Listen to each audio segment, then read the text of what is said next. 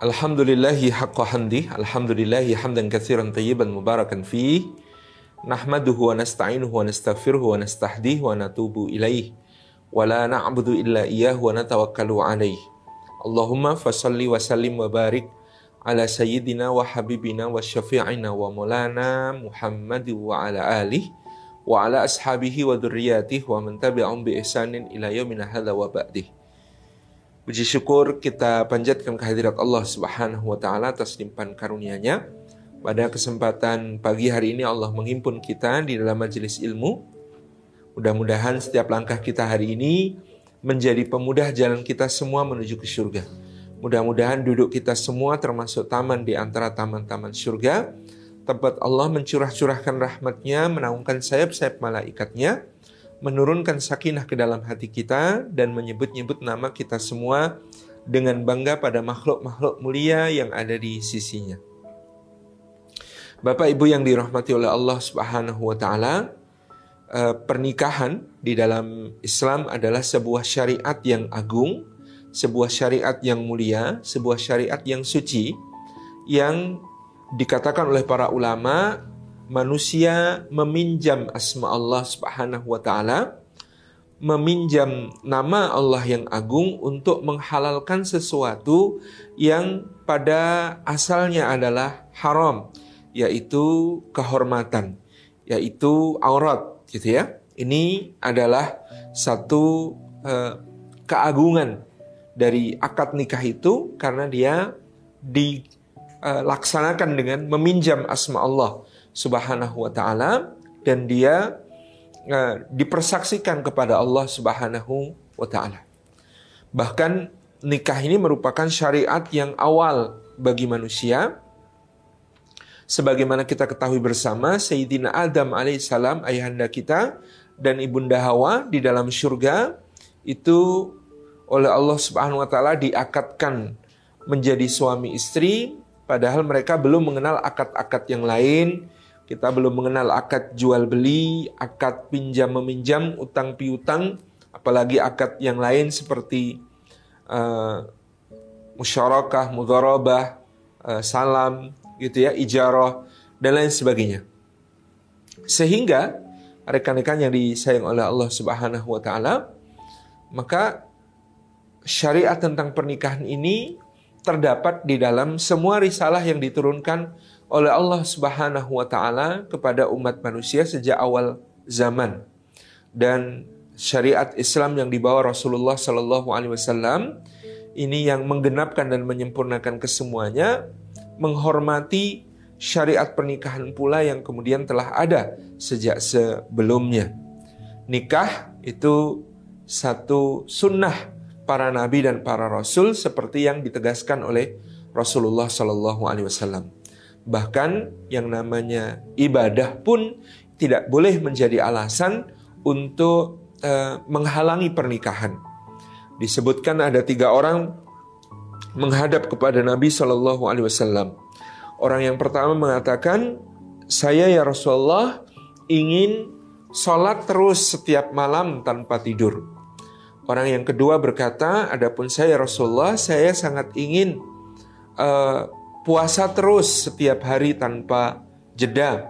Adapun yang ketiga berkata, saya ya Rasulullah karena tidak ingin uh, ibadah saya terganggu, maka saya tidak ingin menikah. Saya tidak ingin berumah tangga.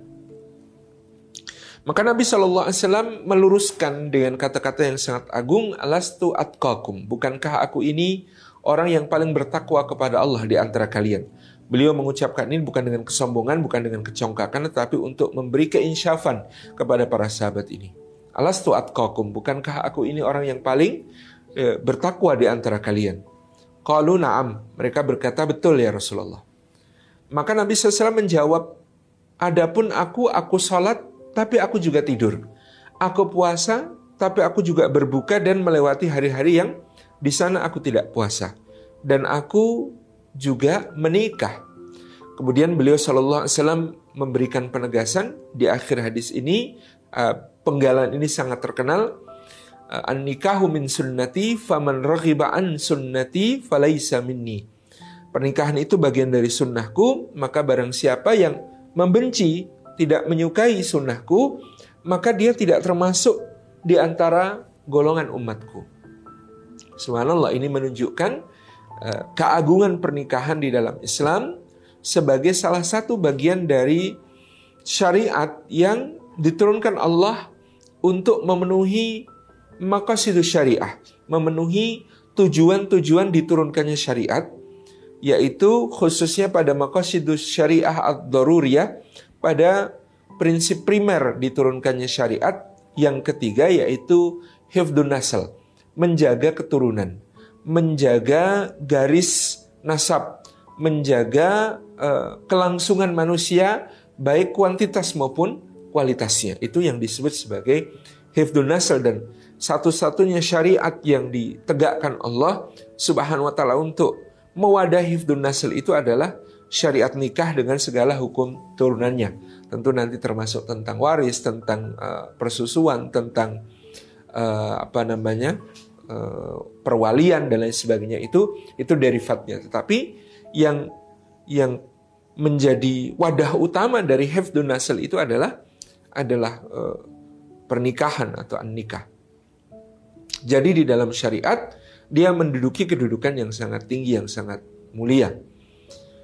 Nah, e, membentuk sebuah rumah tangga, gitu ya, ini juga menjadi satu e, nilai yang sangat besar di dalam Islam karena Rasulullah SAW menyebutnya sebagai e, separuh agama.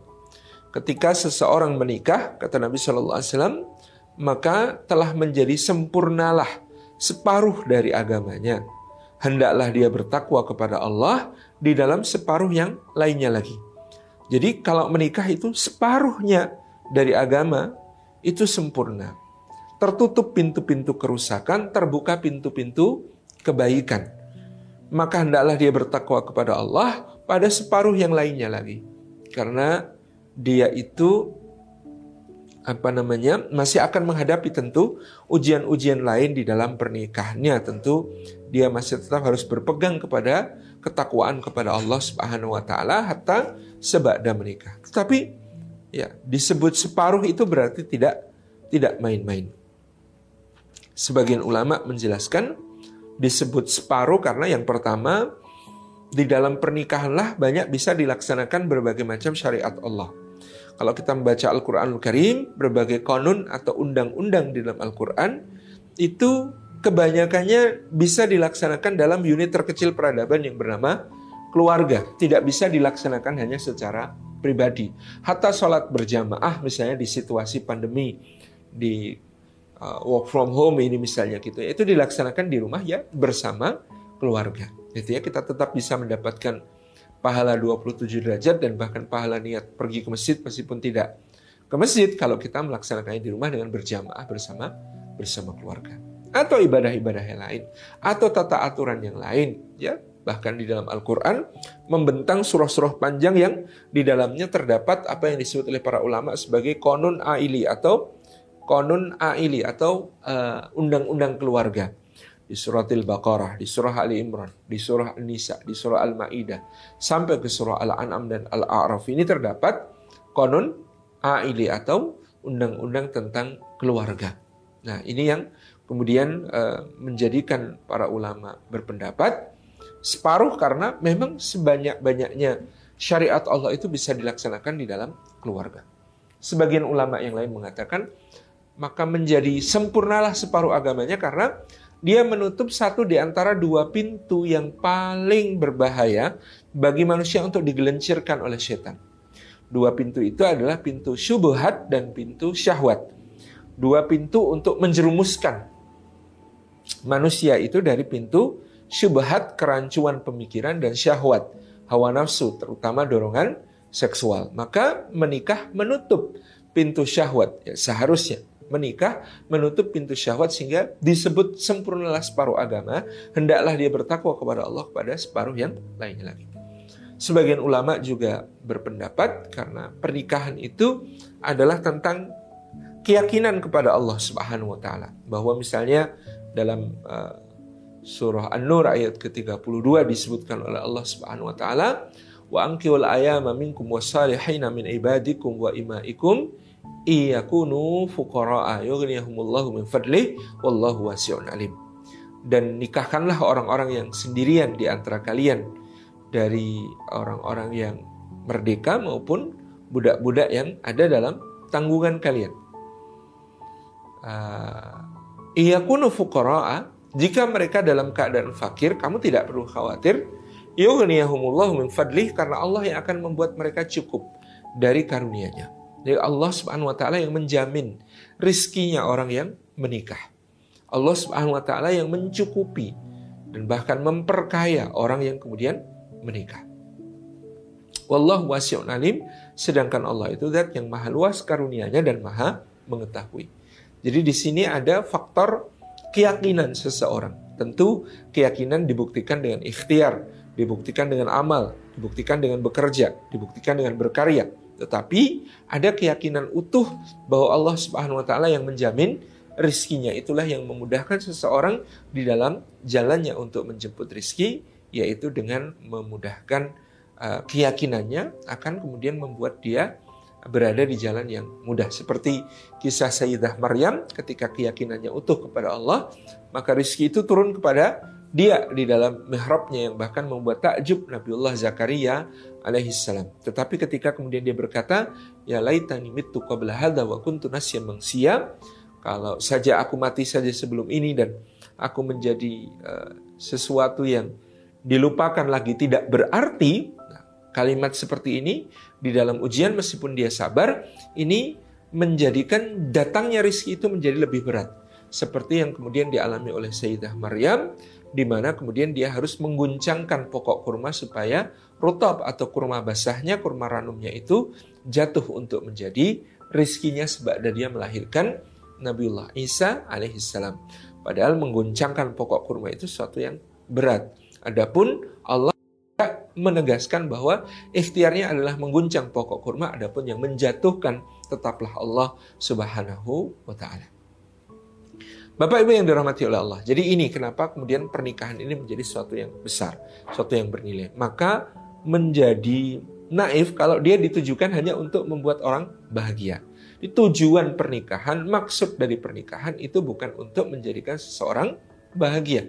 Bukan. Kalau dia mencari kebahagiaan di dalam pernikahan, maka dia akan kecewa. Dia akan banyak kemudian merasakan betapa beratnya, betapa susahnya, betapa tidak sesuai ekspektasi yang disebut sebagai pernikahan itu.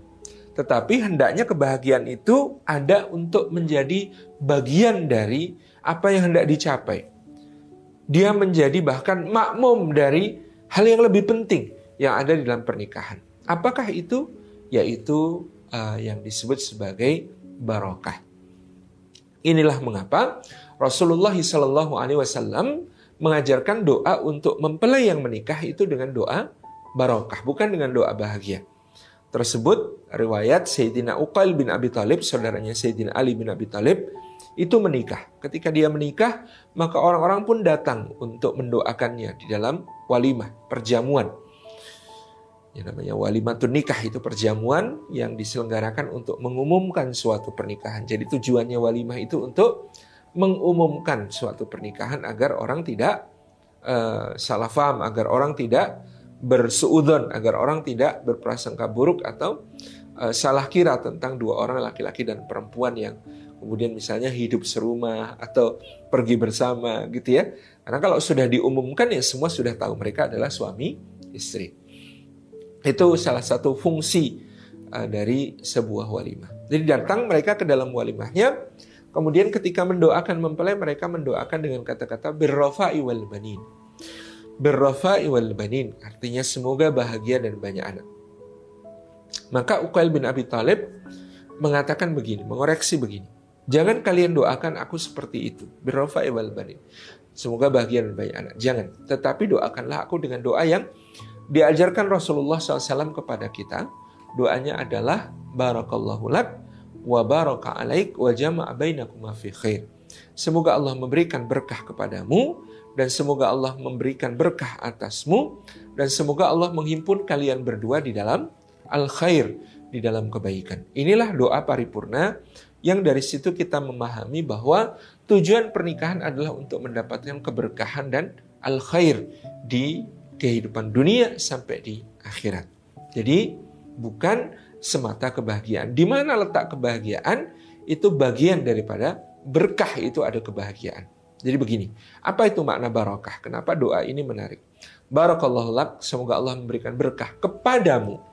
Kepadamu itu di dalam perkara-perkara yang menyenangkan, di dalam perkara-perkara yang membahagiakan, yang sukacita, yang penuh kenikmatan, yang kita mendapatkan anugerah-anugerah karunia-karunia dari Allah, yang ada kelimpahan, yang ada kecukupan, yang ada mendapatkan sesuatu, gitu ya, kelapangan.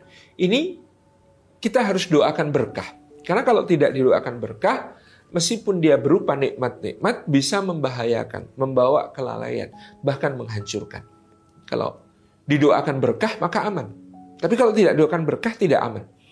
Jadi bertambahnya kekayaan, bertambahnya uh, pangkat dan kedudukan, bertambahnya karir, bertambahnya anak, bertambahnya uh, harta, bertambahnya pengaruh, bertambahnya segala hal itu yang kemudian berupa nikmat anugerah karunia kalau tidak didoakan berkah dia justru bisa menjadi sumber kelalaian.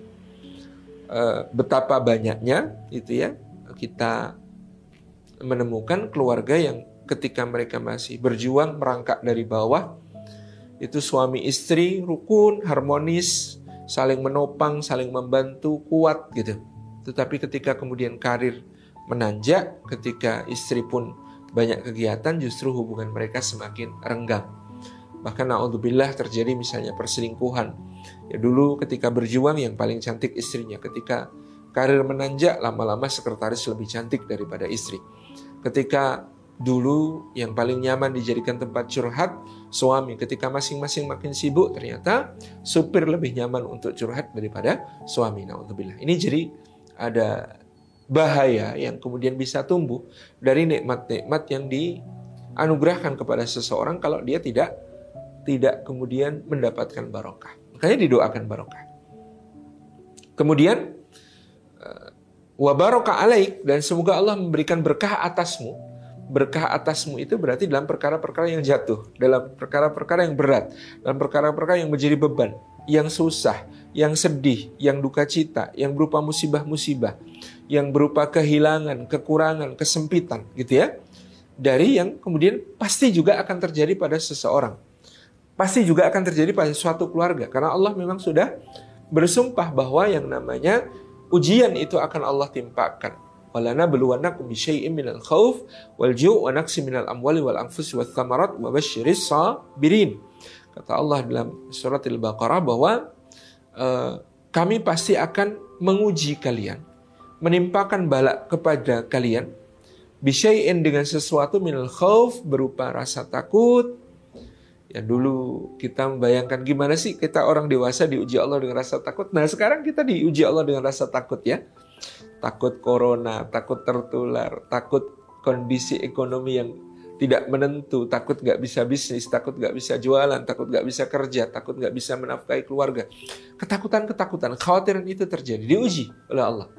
Bisyai'imil khawf, wal dan rasa lapar awal-awal kemarin ya ketika semua toko tutup, ketika semua apa namanya eh, warung-warung nggak buka gitu ya. Kita bingung mau masak di rumah, bahan juga belum beli dan sebagainya, mau takut belanja keluar nggak bisa. Gitu ya. Walju, wanaksi amwal juga berkurangnya harta, wal angfus dan berkurangnya jiwa orang-orang yang kita cintai mungkin ada di antara kita yang kehilangan di masa pandemi ini saudara kita yang wafat baik karena sebab COVID ataupun sebab yang lain. Subhanallah ya. Wasamarat dan berkurangnya buah-buahan. Berkurang buah-buahan itu berarti uh, meleset ya dari apa yang kita rencanakan. Uh, punya lahan sekian harusnya menghasilkan sekian ternyata tidak atau punya investasi sekian seharusnya dapat untung sekian ternyata tidak gitu ya mungkin yang uh, kemarin uh, berinvestasi di reksadana gitu ya. Itu juga rontok saham-saham perusahaan. Subhanallah. Jadi semuanya ujian. Wabasyiris sabirin dan pasti Allah memberi kabar gembira kepada orang-orang yang sabar. Alladzina idza asabathum musibah qalu inna lillahi wa inna ilaihi raji'un. Dengan tanda orang itu senantiasa sadar dengan kalimatul istirja bahwa kita semua milik Allah dan kepada Allah pula kita semua akan akan dikembalikan. Dan yang namanya musibah yang pasti terjadi dalam rumah tangga itu juga harus didoakan berkah. Karena kalau didoakan berkah, dia aman. Kalau didoakan berkah, dia tidak menghancurkan. Kalau didoakan berkah, dia memperkuat. Kalau didoakan berkah, dia justru memper eh, mesra ikatan. Kalau didoakan berkah, maka dia justru semakin memperbaiki keadaan. Itu kalau didoakan berkah. Kalau tidak didoakan berkah, kalau tidak didoakan berkah, maka dia menjadi bahaya. Dia menjadi eh, sumber kehancuran, dia menjadi sumber kerusakan, dia menjadi pintu-pintu kemaksiatan. Itu karena tidak doakan berkah. Bainakum khair dan semoga Allah menghimpun kalian berdua di dalam kebaikan. Maka ini adalah doa paripurna. Al khairu fit dunya itu yakni at-ta'ah. Dikatakan oleh para ulama, kebaikan di dunia itu artinya ketaatan kepada Allah. Jadi semoga Allah menghimpun kalian berdua di dalam di dalam ketaatan. Wal khairu fil akhirah adapun yang disebut sebagai kebaikan di akhirat itu adalah kebaikan di akhirat itu berupa ridho, ar-ridho wal jannah.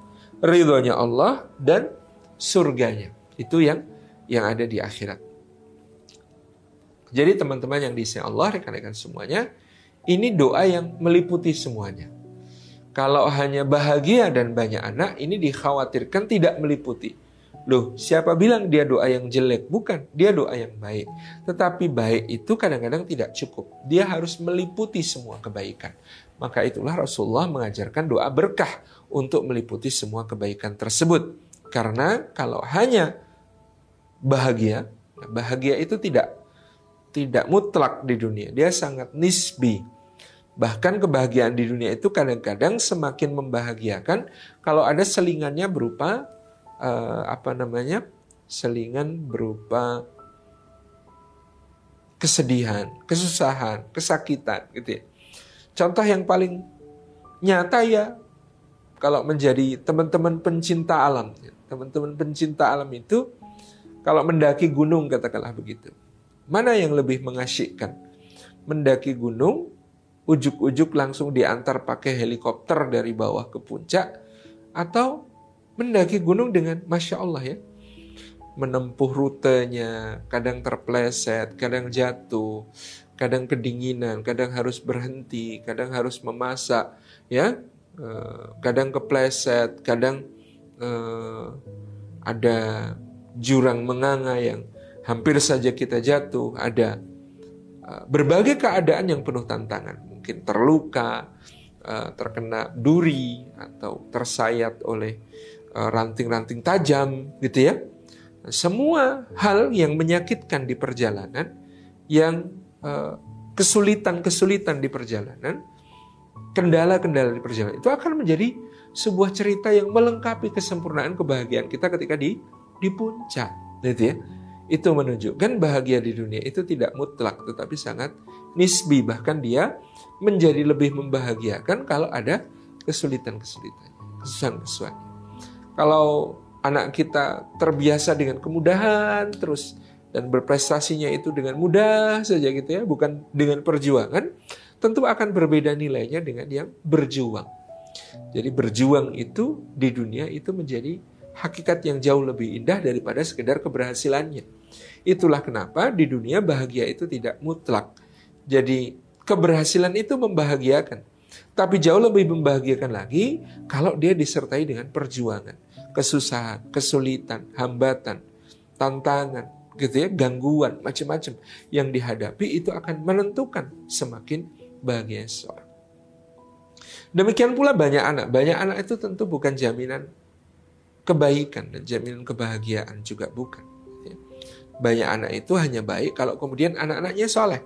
Kalau anak-anaknya berbakti dan itu justru juga membutuhkan perjuangan yang tidak mudah. Makanya doanya juga lebih paripurna dengan doa barakallahu lak wa barak alaik wa fi khair. Semoga Allah memberikan berkah kepadamu, menganugerahkan berkah atasmu dan menghimpun kalian berdua di dalam di dalam kebaikan, bukan birofa awal badan. Kalau di Indonesia kita sering mendengar doa semoga langgeng ya sampai kakek nenek. Padahal ada kehidupan setelah jadi kakek nenek, baik di dunia, di kematian maupun setelah kematian. Maka bahkan doa seperti yang berbunyi semoga langgeng ya dunia akhirat belum tentu menjadi kebaikan karena di dalam Al-Quran ada contoh pasangan yang langgeng dunia akhirat sedangkan mereka tidak berdalam kebaikan. Namanya Abu Lahab dan Ummu Jamil gitu ya. Di dalam Al-Quran disebutkan mereka sama-sama penghuni neraka jahanam. Karena di dunia kompak menyakiti Rasulullah, di akhirat kompak masuk neraka jahanam. Ya. Itu itu bukan yang kita harapkan dari apa semoga langgeng dunia akhirat itu. Tetapi doa ini doa yang paripurnanya adalah doa barakallahu lak wa baraka alaik wa jama'a bainakum fi khair.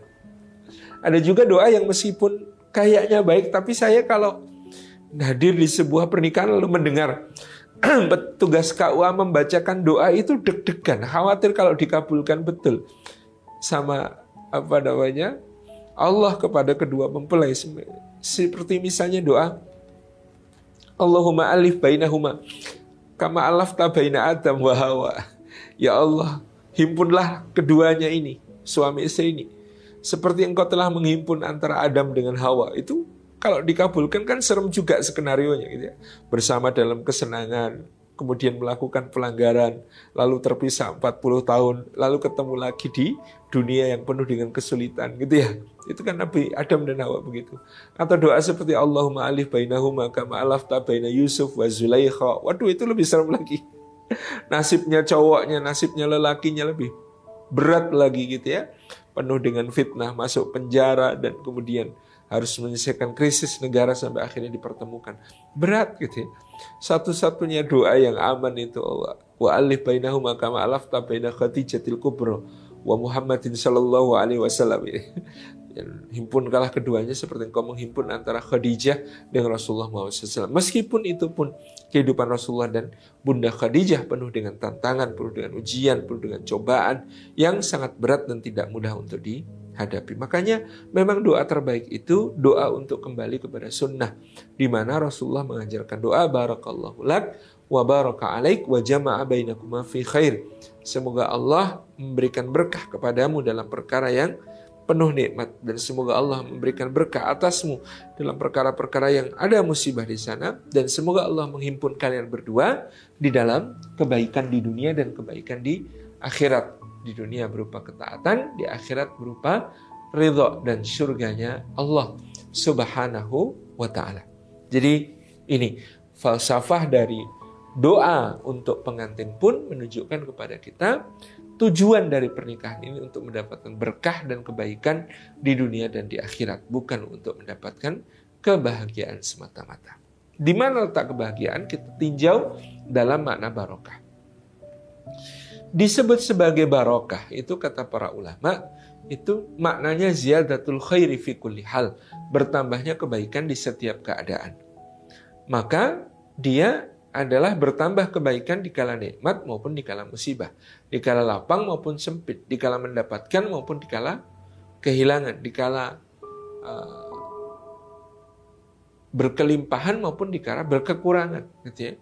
Di kala kaya maupun di kala miskin dikala susah maupun dikala senang, dikala sedih maupun dikala gembira. Kesemuanya ini uh, adalah adanya ziyadatul khair, bertambah kebaikan bagi masing-masingnya. Kemudian kata al-barakah menurut Al-Khalil bin Ahmad, imam dalam bidang bahasa, beliau menyebutkan maknanya meliputi tiga unsur yang pertama adalah al-luzum wathubut. Tetap dan terus melekat. Jadi disebut berkah itu adalah pada khususnya nikmat yang tetap dan terus melekat. Dan nikmat yang tetap dan terus melekat ini tentu adalah uh, iman terutama yang ada di dalam hati. Nah, prasyarat dari keberkahan adalah iman seperti yang disabdakan oleh Rasulullah sallallahu alaihi wasallam ajaban li amril mukmin karena kullu amrihi khair. Menakjubkan urusan orang beriman karena semua urusannya itu adalah kebaikan dan yang demikian tidak terjadi melainkan hanya kepada orang-orang yang beriman. Yakni demikian itu hanya terjadi karena keimanan yang ada pada dirinya. Jadi iman itu prasyarat penting dari berkah. Kalau berkah ya luzum wa thubut, ada nikmat yang tetap dan terus melekat yaitu keimanan. Dengan keimanan itulah ajaban li amril mukmin menakjubkan urusannya orang beriman. Apa yang menjadikan dia menakjubkan? Karena ketika dia mendapatkan nikmat, dia bersyukur kepada Allah, maka syukur itu baik kepadanya.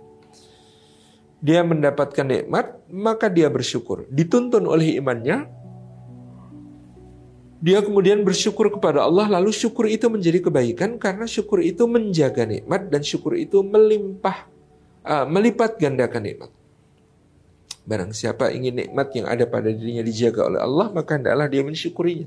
Dan barang siapa uh, merasa dia mendapatkan nikmat Allah lalu dia bersyukur, maka pasti dia akan mendapatkan janji Allah wa itta'adzana rabbukum la in syakartum la azidannakum wa la in kafartum inna adabi lasyadid dalam surah uh, Ibrahim ketika Allah Subhanahu wa taala mengumumkan uh, la in syakartum jika kalian bersyukur la azidannakum kami pasti akan menambah. Aku pasti akan menambah kata Allah nikmat yang aku anugerahkan kepadamu.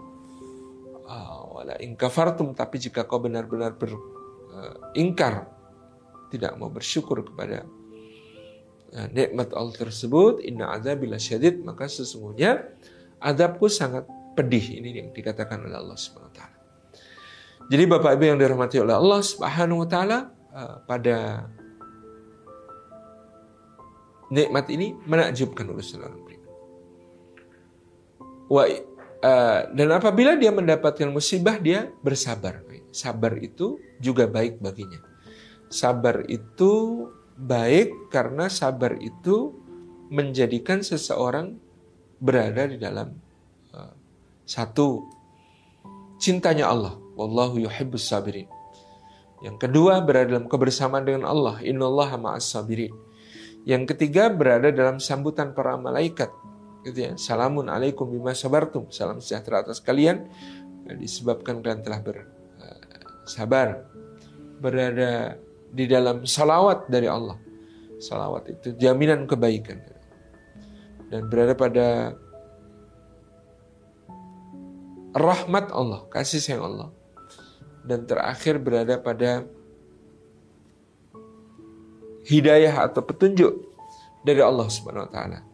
Ya, ulaika alaihim salawatu min rabbihim wa rahmah wa ulaika humul muhtadun. Mereka orang yang mendapatkan salawat jaminan kebaikan dari Allah dan mendapatkan rahmat Allah kasih Allah dan mereka itu adalah orang-orang yang mendapatkan petunjuk, mendapatkan taufik, mendapatkan bimbingan dari Allah Subhanahu wa taala. Jadi Ya. Berkah itu al-luzum Berkah itu adanya nikmat yang tetap dan terus melekat pada seseorang, khususnya adalah nikmat keimanan. Maka menikah itu dengan iman. Menikah itu pertimbangannya pakai iman. Menikah itu di dalam melaksanakan uh, prosesinya memakai apa yang diimani yaitu dinul Islam sampai uh, kemudian paripurna. Dia itu itu itu nikmat yang luzum bertubut. Yang kedua disebut sebagai berkah itu an-nama wa ziyadah. Cirinya ada nikmat yang terus bertambah, berkembang, meluas uh, jadi lebih banyak dan lebih bermanfaat. Itu namanya nama wa ziyadah. Ada tumbuh dan berkembang. Nikmat-nikmat itu yang diberikan oleh Allah kepada kita itu sehingga manfaatnya bisa dirasakan oleh semakin banyak orang. Sehingga eh, kehadirannya memberi kebaikan kepada lebih banyak orang. Itu pribadi kita, kendaraan kita, rumah kita, gitu ya. Barang-barang yang kita miliki, usaha-usaha yang kita buka. Ini semuanya dari apa namanya? Nama waziyadah. Sesuatu yang tumbuh, berkembang meluas bertambah. Jadi dalam nama waziyadah bertambah meluas. Pribadi kita sebagai seorang mukmin juga begitu kepada sama kita makin luas manfaat yang bisa kita hadirkan. Pribadi kita sebagai suami makin baik kepada istri, makin sayang kepada istri, makin penuh rasa syukur atas keluarganya dan anak-anaknya. Gitu ya. Makin merasakan mereka akan manfaat-manfaat dari kehadiran pribadi. Kemudian juga ada di dalam kendaraan kita, ternyata bukan cuma untuk ngangkut diri kita saja tapi memberi manfaat kepada orang lain bisa memanfaatkannya. Ini Masya Allah. Kemudian juga ada uh, rumah kita, selain kita pakai sebagai hunian, ternyata bisa untuk pengajian, untuk majelis taklim, bisa untuk kegiatan-kegiatan warga, kebaikan-kebaikan, pelayanan kesehatan, bisa untuk menginap tamu-tamu yang uh, penting karena baik dan seterusnya. Ini adalah adalah nama waziyadah, tumbuh, bertambah, berkembang, meluas. Sebagai pribadi kita juga ilmunya bertambah, bisa bermanfaat kepada orang lain, mengajarkan yang lebih baik lagi, dan seterusnya. Sebagai suami istri, bagaimana kemudian satu sama lain saling uh, mensupport gitu ya, pasangannya mendapatkan Eh, tambah nilai dari kehadirannya. Ini yang nama waziyadah. Tambah terus berkembang gitu ya. Terus.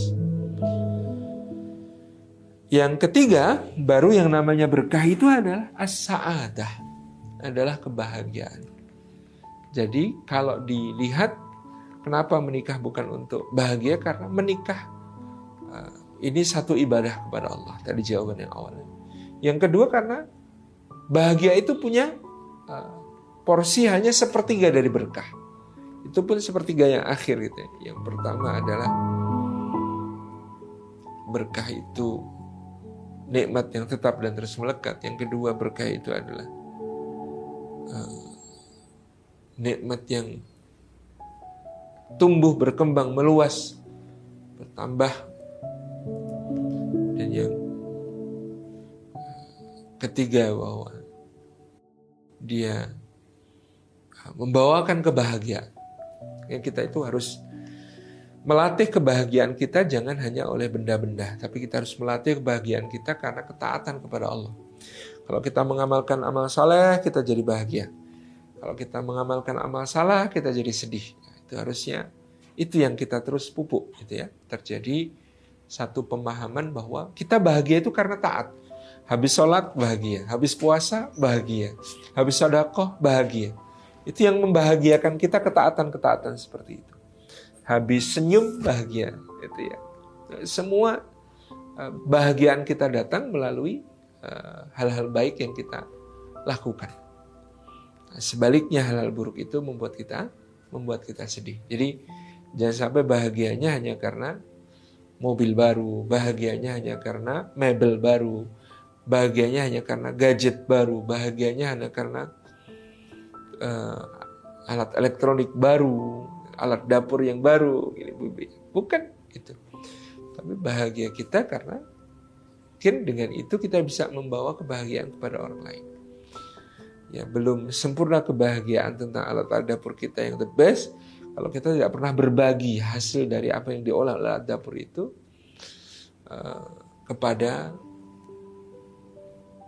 sesama kita. Kemudian yang lain lagi, uh, kendaraan kita, rumah kita.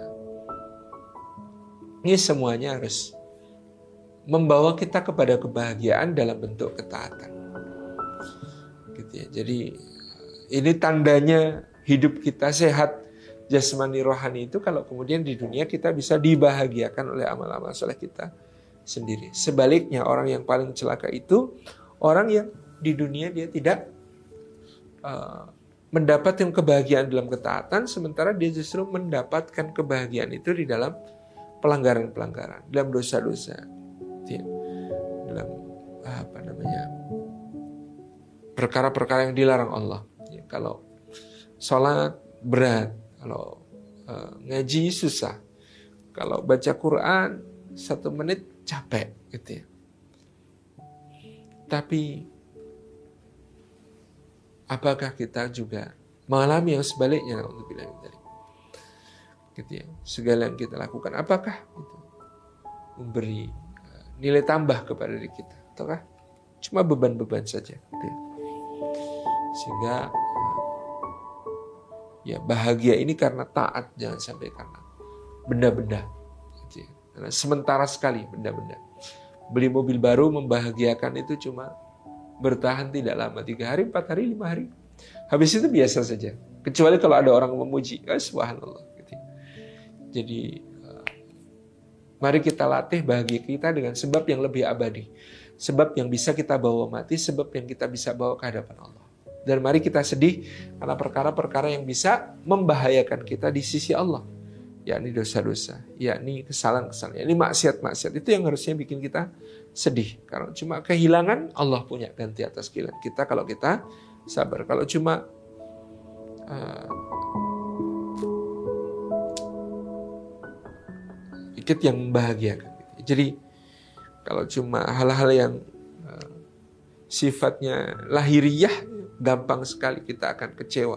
Gampang sekali kita akan berharap pada yang salah gitu ya tapi kalau kita melatih kebahagiaan kita dengan maksiat kita sendiri, dosa-dosa kita sendiri kepada Allah, lalu kemudian diikuti dengan taubat, maka kita akan menjalani kehidupan ini dengan, dengan bahagia karena bahagia adalah makmum dari berkah yang sudah kita sebutkan dari awal. Nah berikutnya Bapak Ibu dan Allah karena menikah itu untuk berkah dan bahagiaannya lah bagian dari berkah Berkah itu tentu perlu ilmu, berkah itu tentu perlu keterampilan, berkah itu tentu perlu uh, latihan dan pembiasaan karena dia adalah satu bentuk ketaatan kepada Allah. Maka sesudah semuanya uh, konsep tentang berkah ini tadi, ya rumah tangga itu harus diisi dengan ilmu pengetahuan yang dipraktekkan, gitu ya. Ilmu pengetahuan yang kemudian diaplikasikan, ilmu pengetahuan yang kemudian akan menuntun uh, seseorang kepada kebahagiaannya di dunia dan di akhirat untuk memperbesar rasa bahagia dalam hatinya. Jadi yang pertama ketika kita bicara tentang konsep bahagia itu adalah makmum dari eh, keberkahan yang kita perjuangkan di dalam eh, rumah tangga kita, tapi juga kita harus penyu eh, belajar terus belajar tanpa henti gitu ya dan belajar itu kita memperbaiki diri terus untuk menjadi yang terbaik bagi keluarga kita.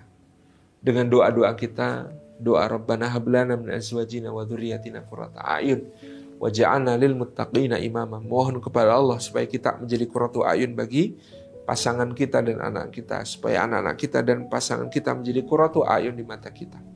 Dengan itu akan terjadi saling support satu sama lain untuk mencapai derajat bakti tertinggi di hadapan Allah Subhanahu wa taala. Jadi di situ terjadi peningkatan ya kapasitas kita dalam berbakti kepada Allah karena adanya ilmu. Nah, ilmu ini juga meminimalisasi masalah-masalah yang mungkin timbul yang sebenarnya sepele tapi dipergunakan oleh setan naudzubillah untuk menjatuhkan kita ke dalam masalah-masalah yang besar. Konflik di dalam rumah tangga, clash antara suami istri. Padahal bukan karena salah satu bermaksud jahat, tapi karena dua-duanya bermaksud baik hanya saja kekurangan ilmu, hanya saja kurang faham, hanya saja tidak mengerti seperti apa kondisi pasangannya sama-sama saling mencintai tapi jadi bermasalah karena eh, perbedaan-perbedaan yang ada tidak disadari. Banyak wanita mengaku mencintai suaminya dengan cinta yang besar, tapi suaminya merasa ditindas. Banyak laki-laki merasa sangat mencintai istrinya dengan cinta yang sangat tinggi, sangat mulia, tapi istrinya merasa diabaikan, merasa tidak dipedulikan. Nah, ini uh, karena ketidakfahaman antara dengan ilmu gitu ya. Jadi sesudah uh, berkah tadi, nah pernikahan ini untuk menjadi berkah juga diperlukan ilmu gitu ya, ilmu memahami perbedaan laki-laki dan perempuan, ilmu untuk menjadi bapak yang baik, menjadi ibu yang baik, menjadi istri yang baik, menjadi suami yang baik. Yang kesemuanya tidak disediakan di sekolah-sekolah yang kita lewati pendidikannya sejak sejak kecil sama sekali gitu ya. Jadi eh, teman-teman yang disayang oleh Allah Subhanahu wa taala dengan ilmu itu seperti mungkin kalau berkenan bisa menyimak di Instagram saya atau uh, Facebook uh, page saya gitu ya. Berapa waktu ini kita sedang banyak sharing tentang ilmu di dalam rumah tangga, khususnya di dalam memahami perbedaan karakter laki-laki dan perempuan sebagai makhluk Allah yang dua-duanya diciptakan tidak sempurna tetapi untuk saling menyempurnakan di dalam uh, ikatan pernikahan seperti yang kita gitu ya.